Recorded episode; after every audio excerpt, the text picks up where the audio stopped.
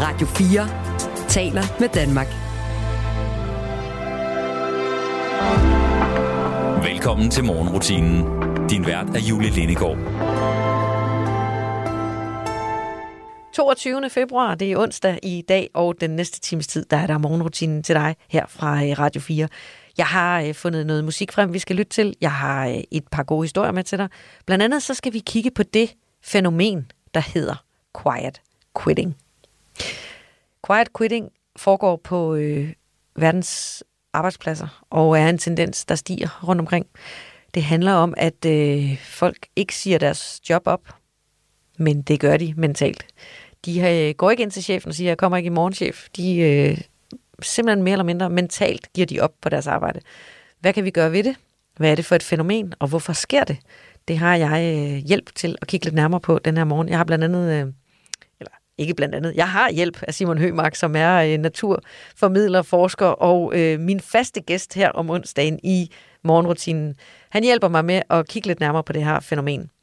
Og så øh, skal vi også kigge lidt på øh, datoen i dag, 22. februar, når jeg jo på morgenrutinen tager en tur ned i kaninhullerne for at se, hvad der egentlig skete den dag her. Så falder jeg over en historie, som sætter mig tilbage til min egen tid på højskole. I øh, slutningen af 90'erne var jeg på højskole og havde en veninde, som jeg virkelig holdt meget af. Og øh, vi var sammen, og vi øh, gjorde mange ting sammen, og det førte til, at en del af de andre højskoleelever begyndte at kalde os for Dolly. Og Dolly. Hvem var det nu, Dolly var der i slutningen af 90'erne? Ja, det er jo det. Det er jo der, den 22. februar kommer ind i billedet. Fordi det var 22. februar i 1997, at skotske forskere afslører, at de har klonet et får. Kan du huske det? Det blev kendt under navnet Dolly, det første klonede pattedyr. Forskerne havde forsøgt at skabe det perfekte avlsfor, og de havde altså arbejdet med en genetisk kopiering. Dolly fik masser af presseomtale, og øh, der var jo kæmpe store diskussioner dengang omkring det her med at klone pattedyr, om øh, det nu var rigtigt etisk eller uetisk. Og øh, cellerne fra Dolly var øh, blevet taget fra et øh, voksent fors brystvæv, og øh, det var selvfølgelig derfor, at hun var blevet opkaldt Dolly efter country-sangerinden, vores allesammens Dolly Parton, med et øh, velvoksent brystparti. Kloningen foregik ved at fjerne kromosomerne fra øh, erstatningsmorens æg, og så øh, erstatte dem med donorforets celler.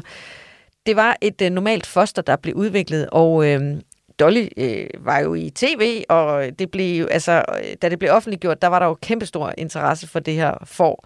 Der var også stor diskussion om et par år efter, om Dolly hun ældedes øh, unaturligt, fordi hun var øh, taget ud af nogle gener, der allerede var 6 år gamle fra morens brystparti. Og øh, i 2002, der fik Dolly altså ledbetændelse. Ja, vi skal lige høre, hvordan det er gået med hende siden, ikke? Og øhm, det kunne tyde på tidlig alderdom, men forskerne var faktisk ret uenige om, om det var fordi, at hun var klen, øh, klonet med nogle øh, gener, der var 6 år gamle. Det ved man altså ikke. Dolly hun blev aflevet i februar 2003, og øhm, det viste sig, at hun øh, havde også en fremskreden lungesygdom. Så altså, øh, 1997 offentliggjorde forskerne, at de havde rent og leget med kloning nede i laboratoriet, og det var der altså kommet et for ud af, Dolly. Og øhm, ja, det satte mig lige tilbage til højskoletiden, hvor mig og Dolly, Dolly og Dolly hang ud sammen.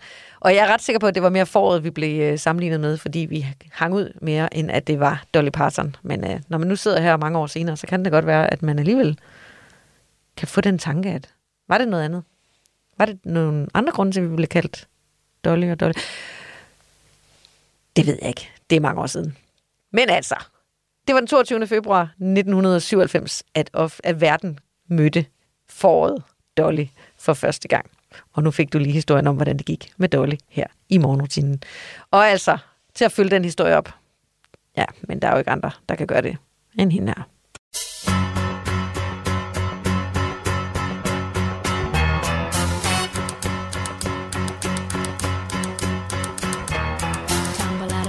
Stumble to the kitchen, pour myself a cup of ambition and yawn and stretch and try to come to life.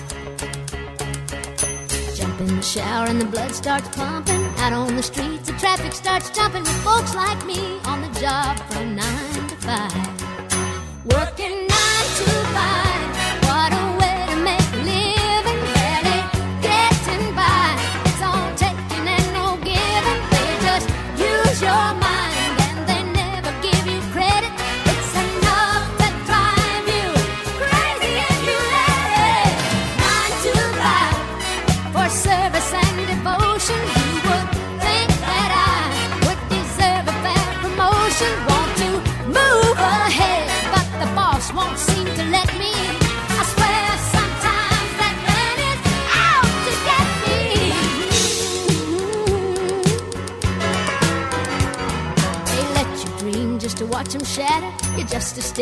boss man's ladder, but you got dreams he'll never take away.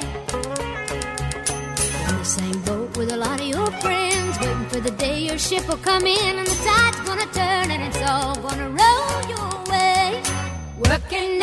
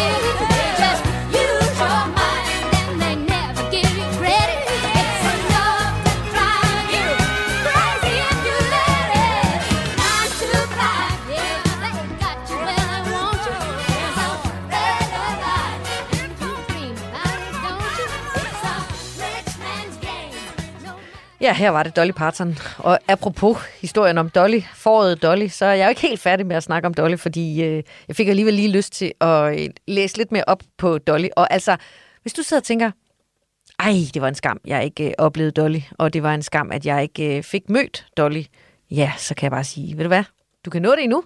Fordi øh, selvom at Dolly øh, blev aflivet tilbage i 2003, så findes Dolly faktisk, eller jeg ved ikke helt, om man kan sige findes, men, men jo, det, altså, du kan faktisk se Dolly.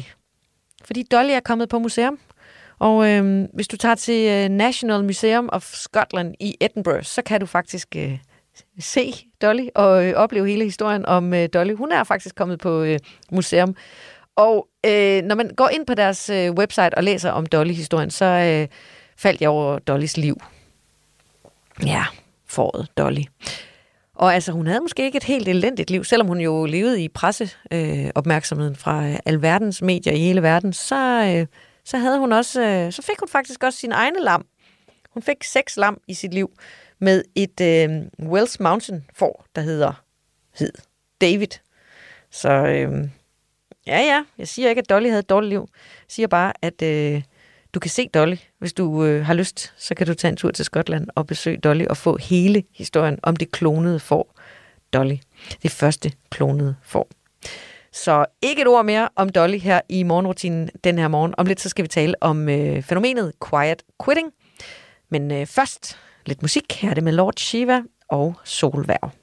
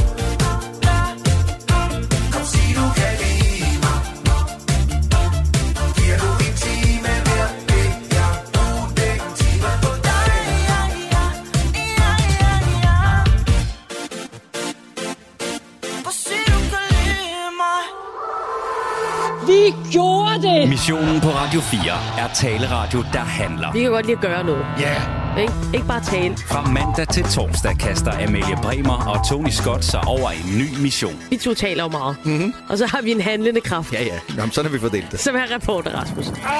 Når det rigtig bliver svært, så siger vi, og nu stiller vi over til dig, Rasmus. det skal du gøre. Lyt til missionen mandag til torsdag fra 15 til 17. Radio 4 taler med Danmark.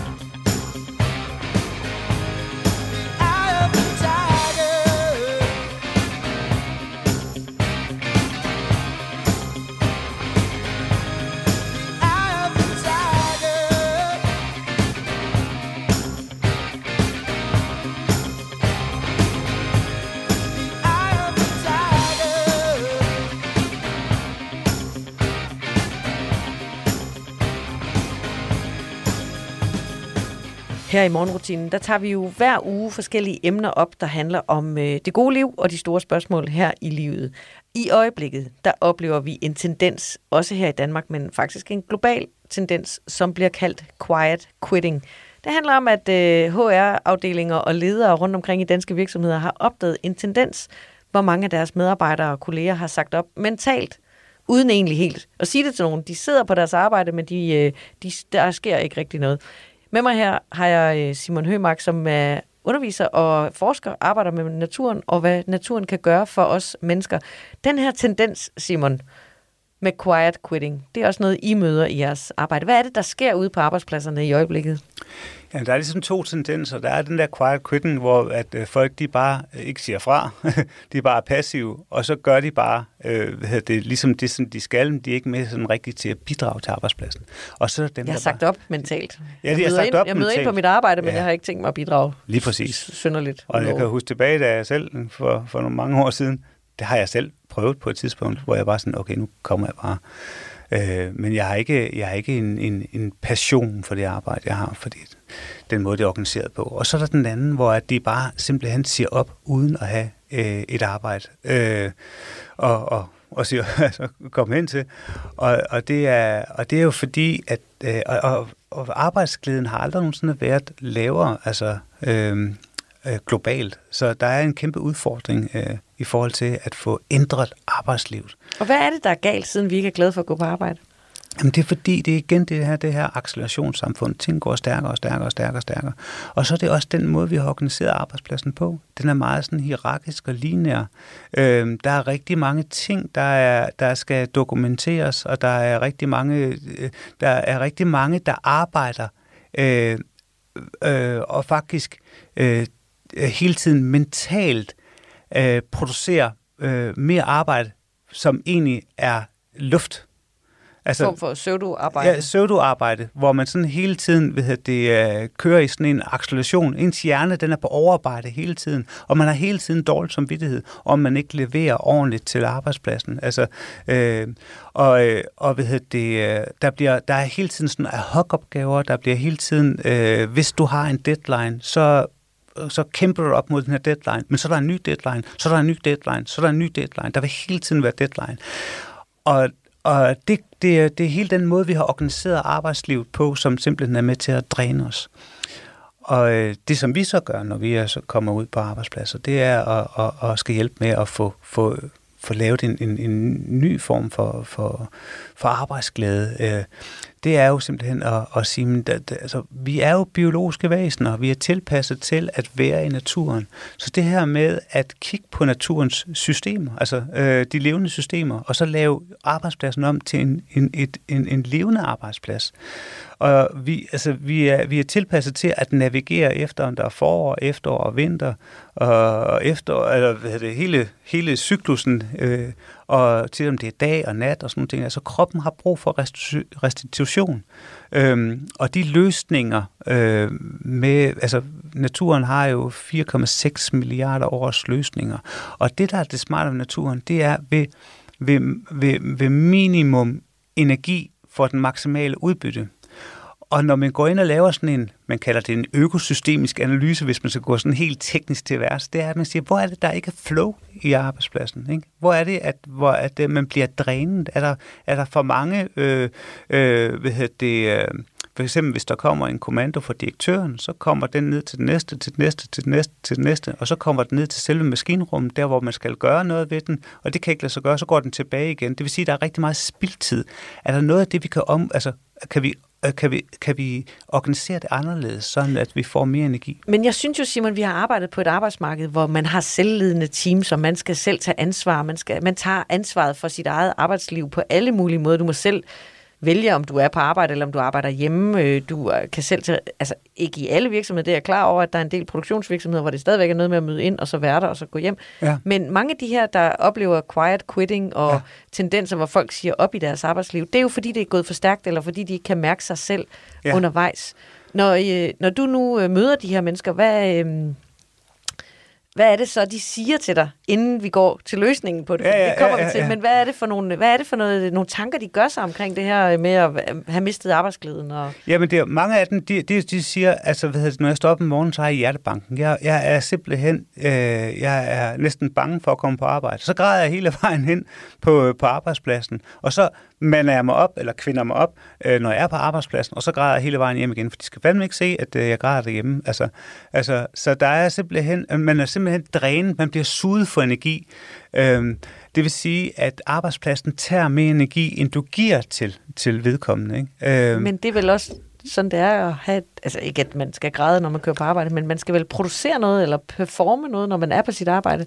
Jamen, hvis du er i balance, mental balance og i fysisk balance, så vil du give, øh, øh, så vil du give meget mere øh, bæredygtigt til dit arbejde. Altså, hvad er det, vi gerne vil? Altså, vi hedder ikke homo sapiens mere, vi hedder homo magen. Hvordan skal vi lave en bæredygtig arbejdsplads, der både er bæredygtig for den ydre bæredygtighed, altså for klimaet, men også den indre bæredygtighed. Hvis vi har det så skidt, så, ved jeg, det, øh, så smelter vi os syge, og det er en af de største udgifter, der er for, for virksomheden. Og så samtidig med, så er det jo også, når de så siger op, så er det jo tabt viden. Det er, altså, hvis der er en, en leder, der bliver langtidssygemeldt, så koster det omkring 4 millioner. Ikke? Hvis det er en medarbejder på øh, sådan en, øh, så, er det jo, så er det jo omkring 1,2 millioner, ikke også? Øh, Fordi vi Så- skal finde vikarer, og Film, der skal vikar, startes. al, al den øh, økonomi, der er rundt omkring, ikke også? Så hedder det, der er noget med, prøv at tænke på, hvis man kunne få indført pauser. Bare pauser, inden vi skal have møde her. Så sætter vi os lige, Julie, og så holder vi lige en pause, trækker vejret, pff, lige fem minutter. Godt, så går vi i gang. Mødet bliver meget mere, altså, øh, hvad hedder det, øh, det bliver meget stærkere. Ikke? Øh, Vi vender tilbage Ja. til, vi skal have flere øh, gode råd til, Ja. hvad man gør ved det her, Ja. lige efter det her stykke musik. Take a step, watch the ground, rise to meet your feet somehow. When all that you are just ain't enough.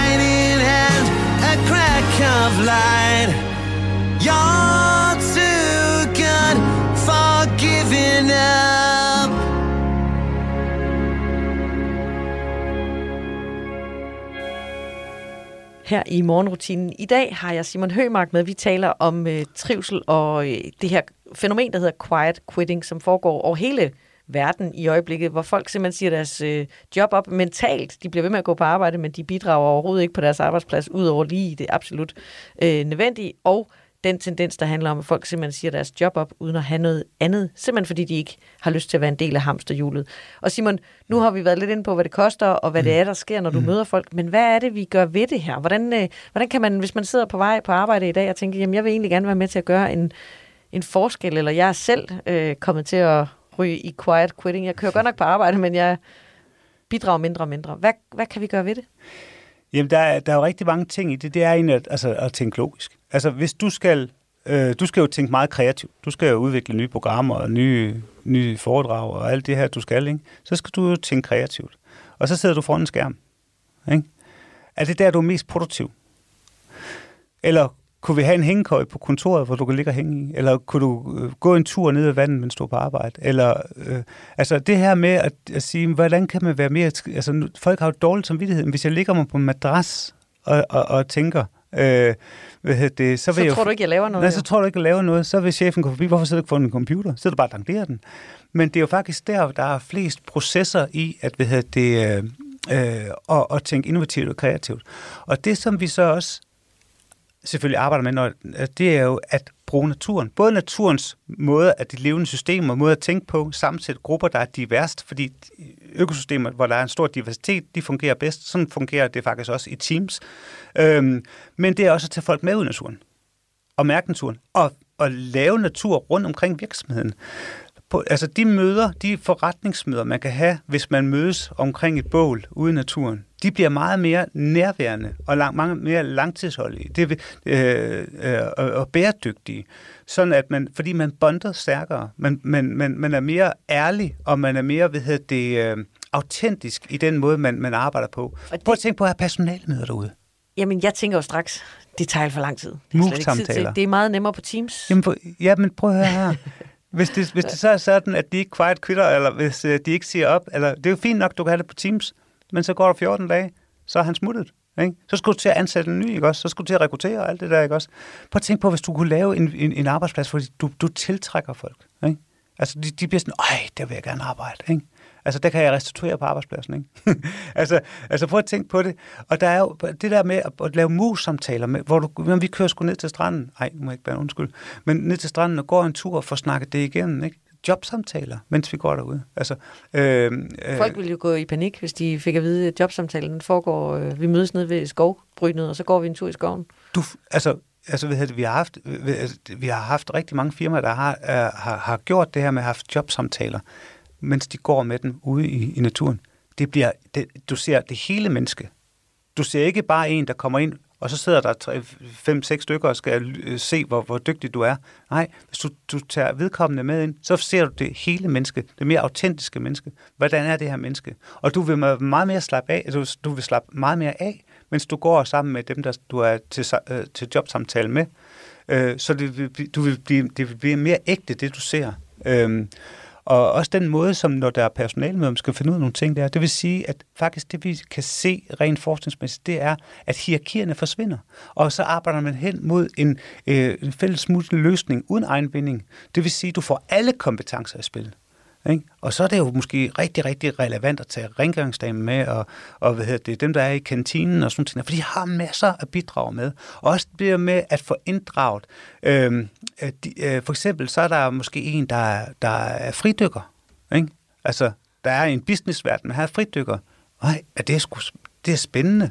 Øh, kan du ikke fortælle noget mere om det? Jamen, vi arbejder med vejrtrækning. Nå, okay, er der nogle ting, vi kan trække ind hvad hedder det, i, øh, på arbejdet, eller en strikker, ikke?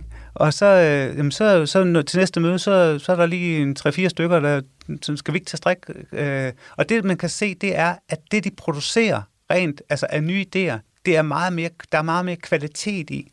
Så man tænker, øh, ikke bare den der, øh, der møder ind med jakkesæt, eller øh, det der business-tøj der, men nej, man, man ser, det hele menneske kommer på arbejdspladsen. Prøv at tænke på, hvor mange flere muligheder der er for at, at øh, øh, få, få, få viden ind på din arbejdsplads, øh, øh, hvis du tager det hele menneske med ind, i stedet for bare den professionelle. Men Simon, du arbejder jo med det her, og derfor er det naturligt og trygt for dig. Mm. Men, men hvis man nu er på vej på arbejde den her morgen, eller jeg i eftermiddag skal øh, til et møde, mm. og jeg tænker sådan, jamen jeg kunne godt tænke mig at prøve, prøve lidt af det af, men synes måske, det er lidt crazy vildt. Enten at ligge på gulvet, eller Ja, ja, begynde at strikke undervejs, eller at øh, spørge, om vi skal gå en tur ude i skoven. Ja. Hvad er sådan det, den, det mindste skridt, eller det første sted, hvor man kan begynde at vække både sig selv, men også sine kolleger for at gøre noget andet?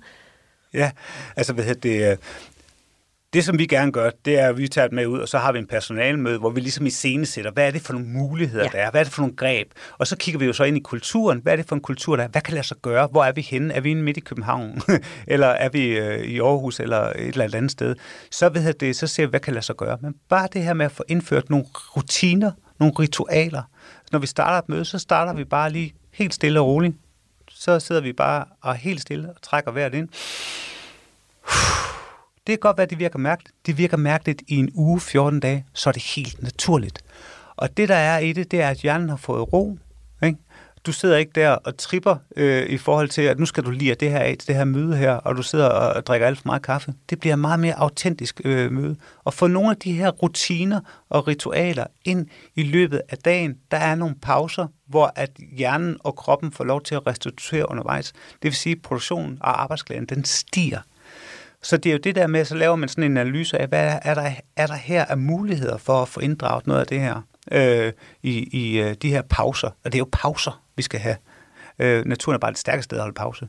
Men hvis man kan få naturen ind, det man også bare kan se, hvis der er øh, naturbilleder på væggen, øh, og flere planter, så, så, så, så falder sygefraværet. Bare det. Prøv at tænke på, hvis man kan lave nogle af de her, her i det lokale, vi sidder i her, der er der øh, hvad hedder det, rensdyrlav på, på væggene. Og rensdyrlav... Det er godt for øh, lyd, lydproduktionen. Det er godt for lydproduktionen, men, men samtidig med, så renser det luften. Og, det, øh, og samtidig med, så når vi ser på den, de der strukturer, man kalder naturens fraktaler, så beroliger det af hjernen. Øh, og bare det, du ånder ud, det er nok til det, den fugtighed, det kan, man kan, man kan, øh, så de kan leve. Prøv at tænke på, hvis man kan lave sådan nogle resiliensrum rundt omkring øh, på arbejdspladsen. Og så hvis man har en have eller et eller andet til, få lavet nogle resiliensrum, der må gå ud og holde samtaler og møder derude. Så man Øh, tager sin frokost med ud. lige altså, ikke præcis. lige på den her årstid, men at lige så snart solen Ja, skinner lige den præcis. Så er der nogen, er der får lavet nogle drivhus, der, hvor man kan komme ud og sidde i. Bare det at have naturelementer, det er det, hjernen er tilpasset til. Så når den ser det, så slapper den af, og så restituerer den. Øhm, og, og, og, så, og, og det giver sådan en følelse af tryghed, og, og, og, og man bliver omfavnet. Og det, og det er noget af det, som, som de fleste siger, det er, at de ikke får anerkendelse og, og, og tryghed nok på arbejdspladsen. Det, er, altså, de, de føler sig bare som et nummer. Men, men øh, i, i, når, man, når man iscenesætter nogle af naturens elementer på sin arbejdsplads, så føler man sig set, hørt og rørt. Og det er, det er nogle af de tilbagemeldinger, vi kan se. Så altså, der er ingen undskyldninger for mm. ikke lige at gå en øh, lille tur i kaffepausen. Eller måske udfordre sine kolleger med at sige, lad os lige trække vejret i fællesskab, Ja, inden vi starter det her med. Simon Hømark, tusind tak, fordi du gjorde os lidt klogere på både de her tendenser, men også, hvad vi kan gøre ved dem. Godmorgen. Godmorgen.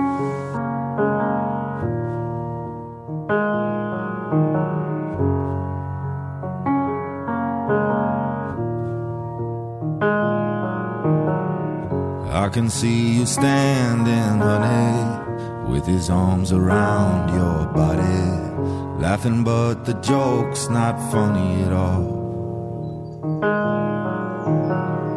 And it took you five whole minutes to pack us up and leave me with it, holding all this love out here in the hall. I think I've seen this film before, and I didn't like the ending. You're not my homeland anymore. So what am I defending now? You were my town, now I'm in exile, seeing you out. I think I've seen this film before.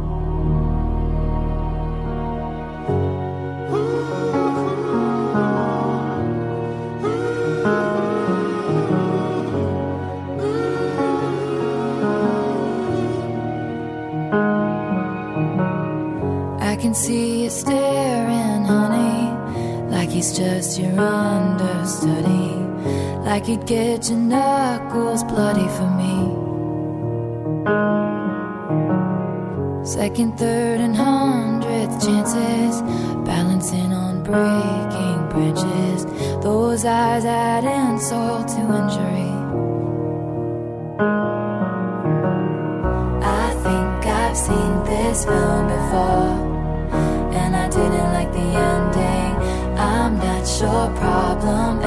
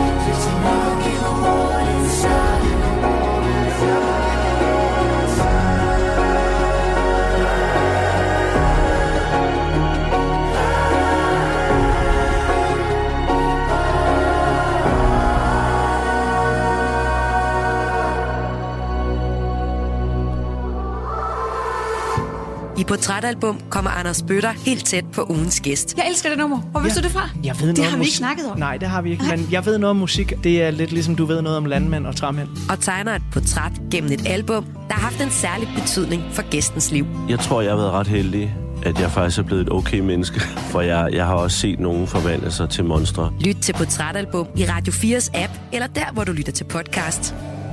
Radio 4 taler med Danmark.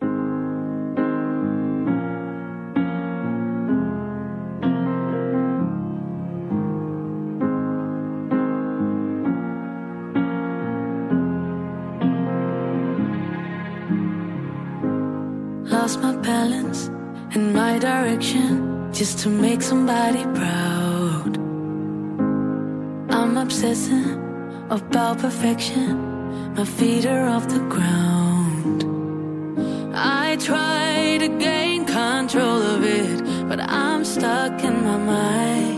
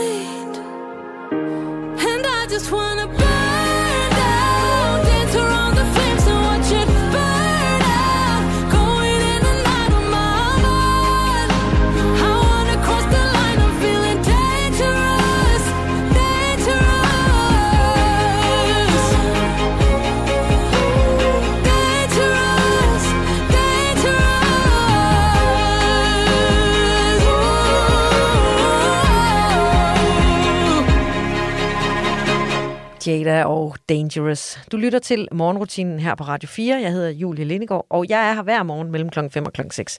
Og i dag fik du også Jada her med Dangerous. Og altså, når vi snakker Jada, så er det altså øh, en af de kunstnere, som i den grad har taget danskerne og det unge publikum med storm. Hun hedder egentlig Emilie Molsted, og øh, det er hendes borgerlige navn, og Jada er et kunstnernavn. Og det fik hun, efter hun havde rejst i Brasilien. Det fortæller hun øh, i, blandt andet i et øh, interview med Dansk Musikerforbund, hvor hun fortæller, at øh, hun på den her rejse, der var der nogle af hendes argentinske ven, venner, der begyndte at kalde hende Jade, som, øh, som er øh, altså, navnet på en sten, en jadesten. Fordi han, øh, hendes ven her, argentinske ven, øh, synes, at hun havde samme farve i øjnene som en jadesten. Og på spansk, der, hedder, der betyder, øh, der staves øh, jadestenen øh, i Jada, og øh, så synes hun jo, at det var et fedt kunstnernavn, Jada. Og det var noget, der også tog udgangspunkt i hendes egen krop. Hun er jo blevet kendt som sådan lidt en kropspositivisme, øh, eller i hvert fald en kvinde, som ikke har nogen problemer med sin øh, seksualitet. Og det er en rolle, som, øh, som hun ikke selv har ønsket sig, men som omverdenen ligesom har givet hende. Og hun øh, synes nogle gange, det kan være lidt svært at leve op til det. Du lytter til morgenrutinen på Radio 4. Nu til en anden sej kvinde. Her får du Miley Cyrus med Midnight Sky.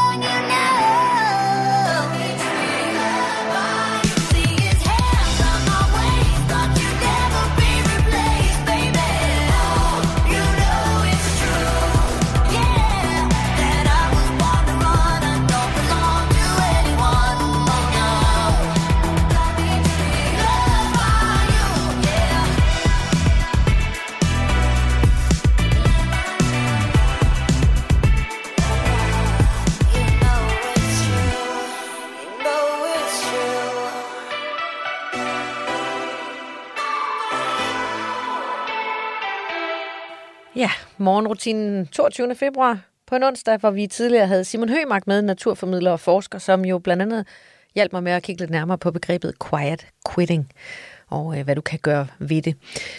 Jeg har øh, haft øh, lidt øh, forskellig musik med, som jeg jo har hver morgen her i morgenrutinen, og øh, i morgen er jeg tilbage igen, og det bliver en ny blanding af musik og gode historier og fremragende gæster, fordi på morgenrutinen der er jeg så privilegeret, at jeg har verdens bedste gæster. Og ved du hvad jeg mere har? Verdens bedste lyttere. Hver dag mellem kl. 5 og kl. 6 på alle hverdage, der laver vi morgenrutinen her fra Radio 4 fra os til dig, og jeg håber, at du har lyst til at være med hele ugen. Det sidste stykke musik, jeg har med den her morgen, er et stykke, jeg har hentet nede i 80'erne. Det er øh, sådan lidt rocket og øh, et dejligt genhør med et øh, dansk band, som i den grad har haft kæmpe succes. Sangen er fra 1988 og hedder House in the Country, og dem du skal høre her er The Sandman. Jeg håber, du får en fuldstændig vidunderlig, fantastisk, dejlig onsdag. Vi høres ved i morgen kl. 5. Ha' en god dag.